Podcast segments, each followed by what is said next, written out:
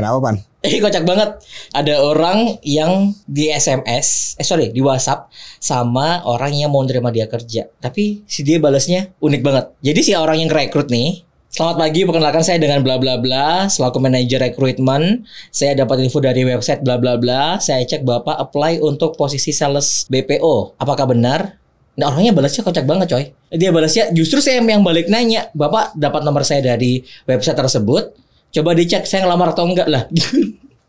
Ini malah si HR-nya juga kirim, iya betul, apply tanggal 21 Juli 2020. Ngapain dibalas juga? Iya, kalau gue sih gak gue balas sih Gak gue balas. Kalau gue juga ngapain juga gue balas. Ini kocak sih, kocak-kocak kayak gini tuh.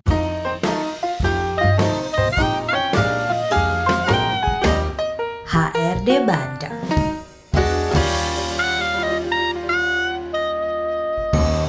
Ini kayaknya common juga nih terjadi ya. Itu nggak sedikit orang yang merasakan eh, kejadian-kejadian kayak gini banget. Dikasih informasi bukan seneng malah balasnya agak sewot. Iya. Tapi tapi lo jadi tahu dong. Contoh-contoh itu yang salah ya kan? Itu yang salah, Nggak yang boleh, nggak boleh. Jangan dicontoh teman-teman. Kalau lu udah di WhatsApp atau dikabarin di telepon sama orang HRD yang mau nerima lo, ya udah terima dengan baik-baik. Apalagi kalau misalnya baik telepon lo nggak tahu siapa yang telepon lo tiba-tiba ngomongnya langsung nyolot banget wah hati-hati tuh hati-hati banget kalau misalnya lo lagi ngelamar pekerjaan lo harus paras-paras dikit deh. Bener, bener, bener, bener. harus jaga attitude lo biar gak sampai salah kaprah kayak gini. Dan kadang suka eh, itu gak sih butuh beberapa menit gak sih dari kita buat kayak ah, ini beneran gue dibalas sama SR ini gitu gak sih? Yang gue eh, masih ingat rasanya surprise banget ketika gue keterima di salah satu perusahaan misalnya. Terus habis itu Wah gila di perusahaan gue, gue diterima itu kayak senang banget Senang sih. banget, bener. itu rasanya kayak bingung gue balas apa iya gitu. Gue pakai pakai bahasa Inggris atau pakai bahasa Indonesia. Orangnya ngirim bahasa Inggris tapi CV gue kan bahasa Indonesia ngirimnya. Gue balasnya pakai apa nih bingung kadang-kadang. Nah kayak gitu kayak yang kayak gini itu harus kita bahas banget nih. Tentunya lu juga ada pengalaman toh tentang hal seperti ini. Iya, jadi gue pernah waktu itu buka satu lowongan pekerjaan Mhm.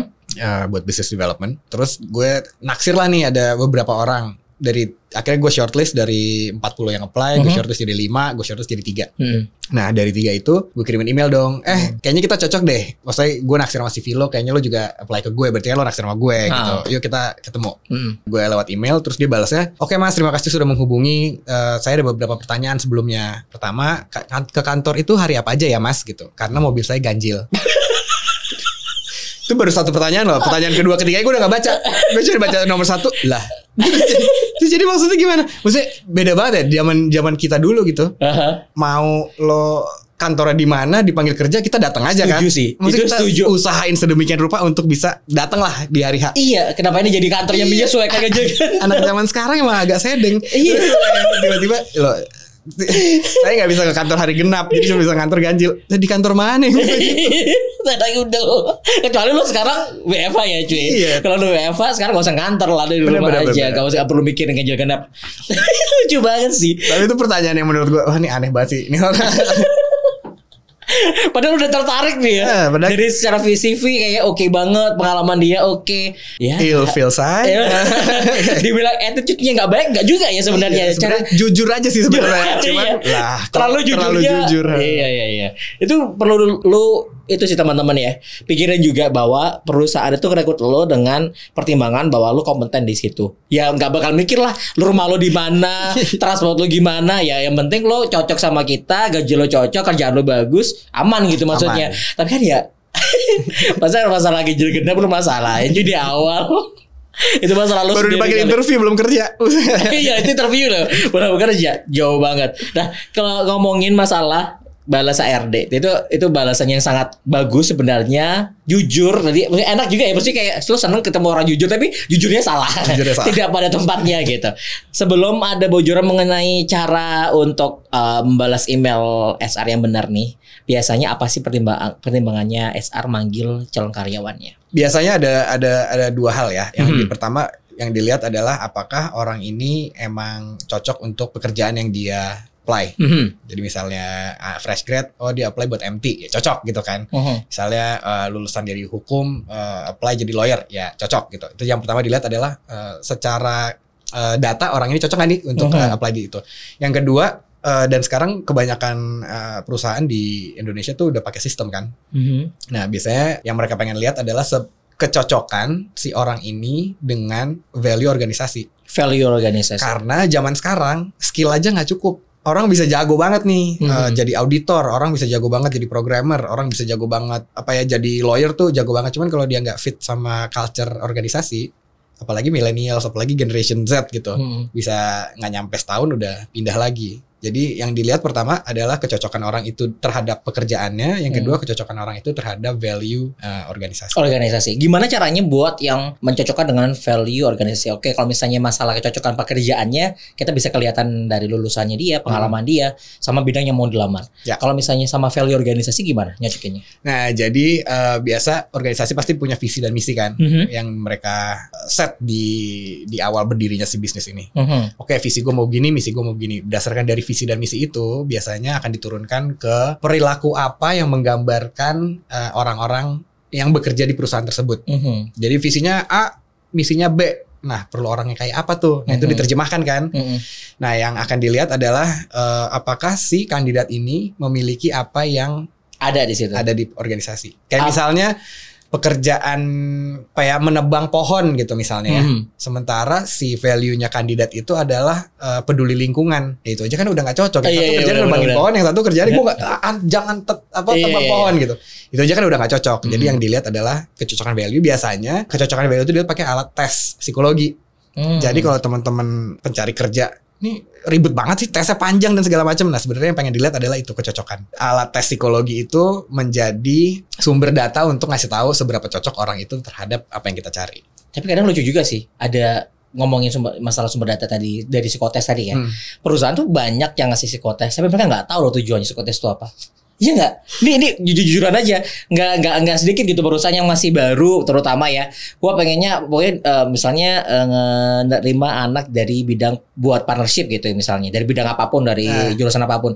Tapi mereka nggak tahu nih cara Iya, seperti apa. Iya nggak? Ya itu yang salah sih. itu yang salah. Itu yang salah. Jadi nggak basically perusahaan itu nggak bisa hanya sekedar menerima doang. Dia harus paham tentang value-nya Mm-mm. dan mendiskusikan tadi. Nah, kalau misalnya nggak ada turunannya itu yang yang susah. Ya. Oh, kalau tadi udah oke perusahaan udah tahu turunannya seperti apa. Apakah si pelamar ini juga harus fit semua dengan turunan tadi itu? Ya idealnya kan fit semua ya. Mm-mm. Cuman kan tiada manusia yang sempurna di Iya dunia iya ini iya. Paling kalau at least kalau dari gue sih ngelihatnya ada rumusnya sih. Misalnya Hmm. value kita ada lima gitu. Mm-mm. Dia tiga dari lima aja menurut gue itu Udah masuk ya. udah masuk. Lebih dari setengah maksudnya. Nah, kayak biar gitu. setengah tuh udah masuk. Kalau satu dari lima ya nggak usah gitu karena banyak banget itu Iya, nggak- di effort effortnya banyak banget Bener, tuh bener, nanti bener, kalau misalnya dia udah di hire gitu. Ah, ah, ah. Mau diperbaikin pun tapi kayak kita bangunnya itu Bener, susah bener. banget. Karena apa pun jauh. pasti bisa dikembangin. Mhm. Apa pun tuh bisa dikembangin. Tapi tiap faktor eh, kesulitan pengembangannya tuh beda-beda. Mhm. Kayak misalnya lo eh, decision making, lo Mhm. bisa tuh ada trainingnya decision making. Mhm. Tapi integrity lo gimana lo mau eh, Ngukurnya. ngukurnya gitu. apa mau develop integrity gimana gitu. Jadi ah.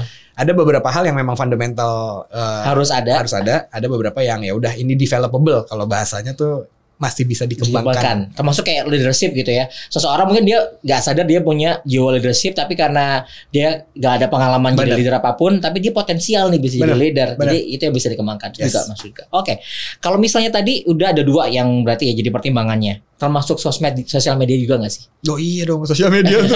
sosial media penting banget dilihat sekarang. Balik lagi sih eh, orang tuh akan ngeliat juga lo tuh pernah kehidupan lo di luar kantor tuh seperti apa. Mhm. Makanya dulu suka ada yang ngomong apa eh, mulu, eh, mulutmu harimau mulutmu harimau kan. Oh. Apa pun yang lo omongin, apalagi sekarang udah bentuknya digital, itu kan Hmm. ada ada trace-nya ya. Lo bisa Hmm. bisa bisa ada jejaknya gitu. Hmm.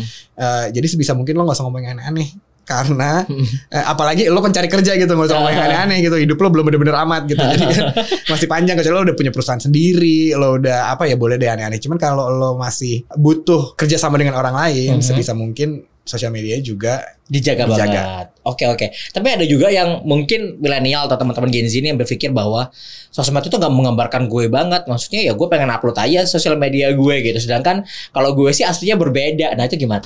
jadi sosial media pencitraan gitu iya ya. iya kan kayak gitu kan ada kadang sekarang kayak mungkin dia kenyataannya dia orang kasar, dia orang yang berantakan sebagainya. Oh, fitnya rapi, fotonya studio atau pakai fotografer gitu. Gitu kan kita nggak tahu tuh. Iya iya Gimana benar. Jadi memang CV eh, dan eh, sekarang sosial media itu hanya memberikan indikasi. Jadi Oh, cuma oke. ngasih tahu, nih Hmm. nih loh orangnya begini, nih loh orangnya begini. Ha. Fungsi recruiter atau HRD untuk menggali pada saat proses interview. Nah ketahuan hasilnya seperti Benar, apa. Benar. Jadi eh, kalau lo teri- keterima kerjaan hanya psikotes nggak ada interview, menurut gue tuh udah salah.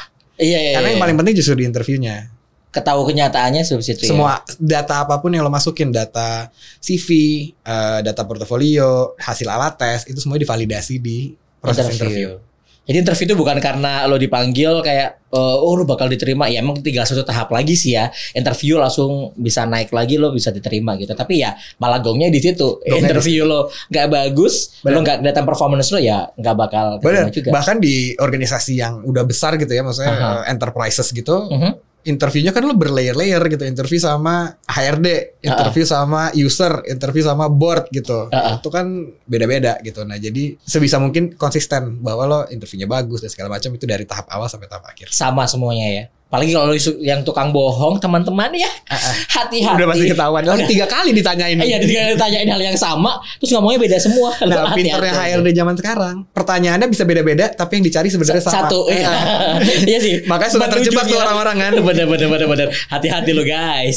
Kalau lo nggak ngelakuin itu nggak usah pakai bohong-bohong deh. Iya. Udah bisa berubah-ubah. Kalau misalnya mau ngomongin balas email, Hmm. orang-orang HR kan kerjanya di jam kerja ya pak. Ya. Maksudnya di luar jam kerja ya butuh kali kerja terus gitu. Nah ada jam tertentu nggak sih yang harus kita harus fokus kapan kira-kira pasnya buat SR ini kita balas? Kalau sebenarnya ini sih bukan masalah bagus gak bagus tapi masalah etika aja. Mhm. Menurut gue lo email HRD itu di jam kerja 9 sampai 5. Mhm. Walaupun dibacanya mungkin jam 2 pagi, Mhm. tapi tetap ngirimnya tuh di jam-jam segitu. Yang mesti lo ingat yaitu satu HRD mungkin akan terima ribuan CV nih dalam Hmm. waktu yang bersamaan. Makanya mungkin bisa bacanya jam 2 pagi, bisa baca besokannya, bisa baca minggu depannya. Hmm. Tapi kalau lo ketahuan ngirimnya jam 9 sampai 5 itu nunjukin bahwa lo profesional gitu kan bahwa lo appreciate uh, recruiter's time Bang. Iya iya. walaupun sebenarnya nggak ngaruh tapi itu apa ya a small gesture aja yang Mhm. kasih lihat ke recruiter bahwa lo oh, lo respect my time gitu. Iya iya. Kalau misalnya gue nih dulu sempat merasa bahwa HR misalnya kerjanya jam 9 sampai jam 5. Kalau gue pengen dibaca di paling atas, gue kirimnya nih pagi nih. Pagi at least jam 7, 8 atau mendekati jam 9 gue kirim nih biar kebaca duluan. Hmm. Nah itu ngaruh gak sih? Nggak, ngaruh ngaruh. Karena balik lagi yang apply ribuan kan. Heeh. Jadi mau lo kirimnya jam berapa? Juga gak ketahuan Iya, ya? nggak ketahuan. gue maunya jam 7 pagi orang itu buka laptop email gue yang pertama. Ya bisa jadi email semalam yang belum dibaca itulah yang dia Dibaca kelihatan duluan pertama. ya? Oh iya, Bukan iya, si iya. email lo gitu. Jadi menurut gue dikirim kirim aja tapi ya kalau bisa sebisa mungkin Di jam kerja. di jam kerja. untuk menghargai si HR-nya tadi. Oke oke oke. Boleh nggak sih saat kita menerima email atau WhatsApp uh, panggilan dari HR, terus datang agak telat karena satu dan lain hal mengabari lewat email atau WhatsApp. Misalnya gue telat, nih, Bagus apa enggak? boleh atau enggak? Boleh atau enggak? Justru harus. Ya sudah. Kalau sampai lo telat, sampai lo nggak bisa datang, sampai itu lo harus komunikasi. Heeh. Balik lagi masalah respect kan, Ah. lo menghargai waktu. Jadi jangan tiba-tiba ya janji jam 10 terus 10 kurang 5 baru ngabarin mbak kayaknya saya nggak bisa datang nih. Hmm. Padahal kan jam 10-nya dia itu bisa dipakai untuk ngisi kandidat yang lain. Hmm. Jadi sebisa mungkin lo komunikasi karena itu satu respect, yang kedua ya profesional aja gak sih gitu lo ngasih tahu bahwa saya akan telat atau apa gitu. Hmm. At least at least kan lo juga gak suka digantungin. Iya iya iya. bener, bener, bener. Ini orang gak balas-balas sih jadi Eh. jadi kerja gak sih ini orang gitu ya? Pokoknya jangan gantungin aja gitu. Ah, ah, ah, itu juga uh, termasuk bentuk respect juga ya. Uh, bukan respect ke SR-nya doang, tapi respect ke diri lo sendiri. Karena gue menurut gue ketika lo ngehargain orang itu berarti lo ngehargain diri lo sendiri. Karena kita berkaca pada sikap yang kita lakuin kan sebenarnya Setuju. kan ya. Jadi kalau misalnya lo telat ada kondisi apa pun yang lo harus terlambat datang ke interview, baiknya lo ngabarin sih. Dan jujur aja, maksudnya memang kondisi seperti ini atau lo salah jam dan sebagainya, jujur aja. Tapi tetap lo harus usahain secepat mungkin lo datang ke kantor tersebut biar uh, orangnya juga nggak nungguin juga. Yang paling males tuh, yang paling kesel adalah tiba-tiba lo janji interview jam 10, 10 kurang 5, lo bilang mbak saya nggak jadi datang karena sebenarnya saya udah diterima di tempat lain. Aduh sedih banget. Itu kan ngeselin ya, maksud gue. Kenapa nggak dari kemarin lu Iya, ngabarin? Gue bisa. kemarin gitu. Gue ada waktu buat yang lain juga. Jadi gitu. maksud gue eh, Yes HRD itu kayaknya pintu masuk ke organisasi Tapi mereka juga manusia kok gitu Maksudnya Iya, punya iya, benar. perasaan juga gitu Jadi sebisa mungkin kalau apa pun yang Lo udah tahu in advance Mhm. Yang bisa lo komunikasikan please do so gitu Jadi dikasih tahu supaya orang nggak Ya appreciating waktu orang sih Jadi orang bisa alokasi waktu untuk yang lain Mhm, mhm, mhm. Kejadian apa sih yang sebenarnya eh, membuat para teman-teman pelamar kerja ini kadang-kadang udah langsung sebenarnya dari CV bagus dan sebagainya tapi karena attitude-nya kurang baik ya dia ditolak Gara-gara itu tuh sih biasanya. biasanya ya banyak banget ya Banyak banyak. ya sekecil apa pun tuh akan diperhatikan berarti ya Sekecil apa pun akan diperhatikan karena ibaratnya lo milih jodoh kan. Hmm. Kan lo nyari nyari karyawan kayak lo nyari jodoh karena Hmm. lo akan mempercayakan kinerja bisnis perusahaan gue di orang-orang ini. Ini, ha. Jadi kan lo harus cari orang yang paling pas, Mm-mm. yang paling serak buat lo kan. Hmm. Nah itu kalau dari awal udah ada yang off tuh ya lo cuma satu di antara puluhan Si orang yang lain. lainnya Ah. gitu. Jadi play safe aja. Iya sih hati-hati banget teman-teman. Kalau misalnya gue kelamar ke kantor lu misalnya, Hmm. tapi gue kenal sama lo, lo yang interview gue, Itu nggak boleh, itu nggak boleh. nggak boleh. Wow. Dulu di kantor gue yang awal-awal gue mulai kerja kan suka disuruh interview. Biasanya kalau yang gue kenal gue nggak mau karena kan lo nggak nggak objektif dong jadinya. Hmm. Maksudnya itu jadi penilaiannya si recruiter yang mana penilaiannya bukan berdasarkan fakta tapi berdasarkan karena gue kenal. Kenal ya. Menurut gue Pandu bisa nih kerja di sini. Oke deh gitu gue lewatin ke fase selanjutnya. Dan Apa? itu gak ada validitas datanya. Nah kan? iya kan padahal belum tentu benar. Jadi ya itu nggak nggak nggak bisa sih. Cuma Tapi ada kejadian kayak gitu nggak sebenarnya? ada satu startup, cuman nih gue ember banget. Oh, iya. Ada satu startup di Indonesia gede abis. Mereka nggak pakai psikotes, mereka nggak pakai pokoknya konvensional HR itu nggak mereka nggak pakai. Mhm. Yang mereka pakai adalah chemistry. Wow. Jadi ada satu perusahaan setiap orang yang menurut mereka cocok udah langsung dipanggil untuk interview. Karena yang mereka lihat, ini gue bisa nggak kerja sama orang ini. Orang ini pinter gak sih? Orang ini bisa nangkep nggak apa yang gue maksud gitu? Itu ada juga gitu sekarang yang yang seperti itu. Jadi kalau at least kalau gue, gue kalau lagi hiring orang CV udah, gue sih udah nggak lihat CV sekarang. Mhm. Karena buat gue pada dasarnya yang harus dilihat adalah orang ini bisa kerja atau enggak. CV tuh ya bagus gitu, maksudnya CV Hmm. Oke lah gitu. Pasti orang menunjukkan yang terbaik dari dia Iya, kan. tapi yang realitanya kan orang ini bisa kerja apa enggak? Kayak misalnya satu lulusan Harvard, satu lulusan universitas apa gitu ya. Hmm. Yang satu biasanya kan orang Indonesia zaman dulu, oh Harvard langsung di hire Oke oke gitu. oke. ha. Padahal belum tentu bisa kerja. Jadi kalau gue sekarang gue nggak peduli eh, programmer itu S1 atau D3 atau eh, SMK, SMK, gitu. uh-uh. Yang penting dia bisa programming. Heeh. Udah, kan yang yang kita pengen outputnya jelas gitu. Heeh, kebutuhannya dia, dia, bisa kerjanya tadi ya. Nah Benar. ini menarik gue agak eh, tadi kepancing sama lulusan Harvard sama lulusan mungkin dari Indonesia ya. Hmm. Tapi lulusan Harvard pun nggak bisa kerja. Nah itu ada pengalaman juga gak kayak gitu? Ya Ya nggak kalau nggak harus Harvard sih kayak Adalah jadi internasional. misalnya uh, ada satu mungkin ya udah nggak usah luar negeri ya ada Hmm. lulusan universitas terbaik di Indonesia Hmm. IPK-nya wah 3,9 atau apa gitu ya pokoknya pinter banget Hmm. tapi dia kerjaannya di perpustakaan pada saat dia apply ke dunia kerja dia diharuskan untuk ketemu sama banyak orang bersosialisasi Wow. Kagok karena seumur kuliah dia berhadapannya Kerjanya? sama buku Ah, buku. heeh. bukan sama orang gitu Heeh, heeh. ya iya sih 3,9 iya sih lulusan universitas bagus gitu Heeh. cuman kalau ternyata nggak bisa kerja buat apa mendingan gue ambil yang biasa aja tapi kerjaannya waktu kuliah dia apa Berorganisasi, organisasi orang. Hmm. eh, dia bikin event dia apa gitu maksudnya banyak kegiatan-kegiatan yang menggambarkan sosialisasinya gitu Hmm, hmm, hmm. gue akan ambil yang itu karena lebih bisa kerja Kalau misalnya anak-anak lulusan luar negeri itu bakal minta gaji yang lebih dari anak-anak lokal itu udah pasti Udah pasti ya. itu udah pasti Permintaannya udah pasti. dan gitu. kayaknya memang at least di beberapa perusahaan yang gue tahu itu kalau lulusan luar negeri memang agak sedikit dibedain Hmm, hmm. karena memang ya Harusnya akan beda dari kemampuan juga sih yang pasti dari kemampuan ya at least bahasanya, bahasanya mereka. iya. itu kan lebih bagus ya kan Benar-benar. terus kemampuan masalah nalarnya ya itu ya relatif sih kalau misalnya nalar ya sih kalau misalnya dia memang memang orangnya bagus dia pasti akan bisa juga nice nice banget Tadi udah nih kita bahas tentang cara gimana yang bagus untuk membalas email dari HR. Terus orang-orang ajaib yang ternyata uh, membalas bagus tapi ternyata itu gak tepat sasaran gitu ya. Itu jangan ditiru teman-teman. Jadi lo harus benar-benar tahu tahu diri bahwa lo yang butuh, lo yang direkrut, lo memposisikan bahwa lo yang butuh. Jadi ya ya masalah lo tempat lo jauh atau enggak kalau percaya lo merasa jauh ya udah nggak usah diambil gitu kan gampangannya. Daripada lo harus masalah ganjil genap itu kocak banget sih. Terakhir nih sebelum kita tutup. Kalau misalnya eh, nggak diterima ini ada beberapa perusahaan yang nggak mengabarkan Hmm. eh, pelamarnya yang nggak diterima.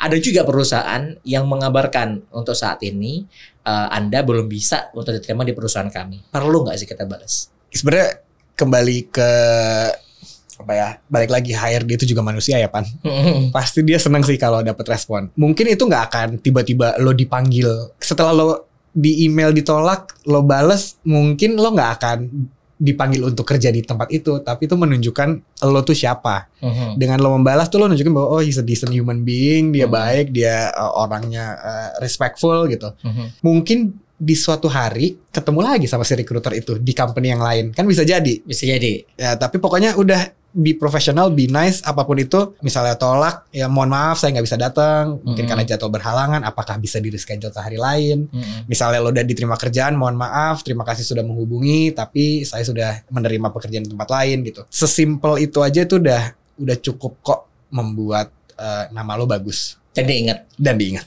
Dan bisa jadi juga ketika ada kebutuhan juga yang lain, lo akan diingat sama orang ini. Benar. Lo bisa dibintangin bahwa etika lo bagus, etika Yes. lo bagus. Bisa jadi yang direferensi duluan gitu. Benar, bisa jadi juga karena si rekruternya mungkin, oh orangnya baik banget ya ini, gue mau cariin deh di posisi lain di organisasi ini. Ah. Kan dia bisa tiba-tiba, eh eh, mungkin lo nggak fit di sini, tapi lo mau coba nggak di Sini. posisi ini Ah, gitu. Ditawarin malahan gue Benar, lain. benar. Ya, itu kan lo you never know juga. ya, maksudnya Iya, benar, know. benar, Tapi kalau dari awal lo udah memutus kontaknya ya kan jadi nggak ada opportunity lain.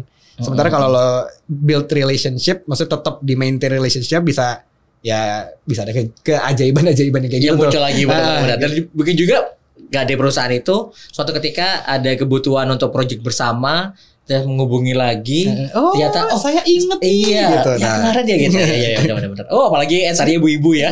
Langsung heboh pasti. Oke, kita mungkin cukup dulu untuk topik kali ini. Di next topik kita akan membahas apa? Tungguin aja di episode berikutnya. Bye.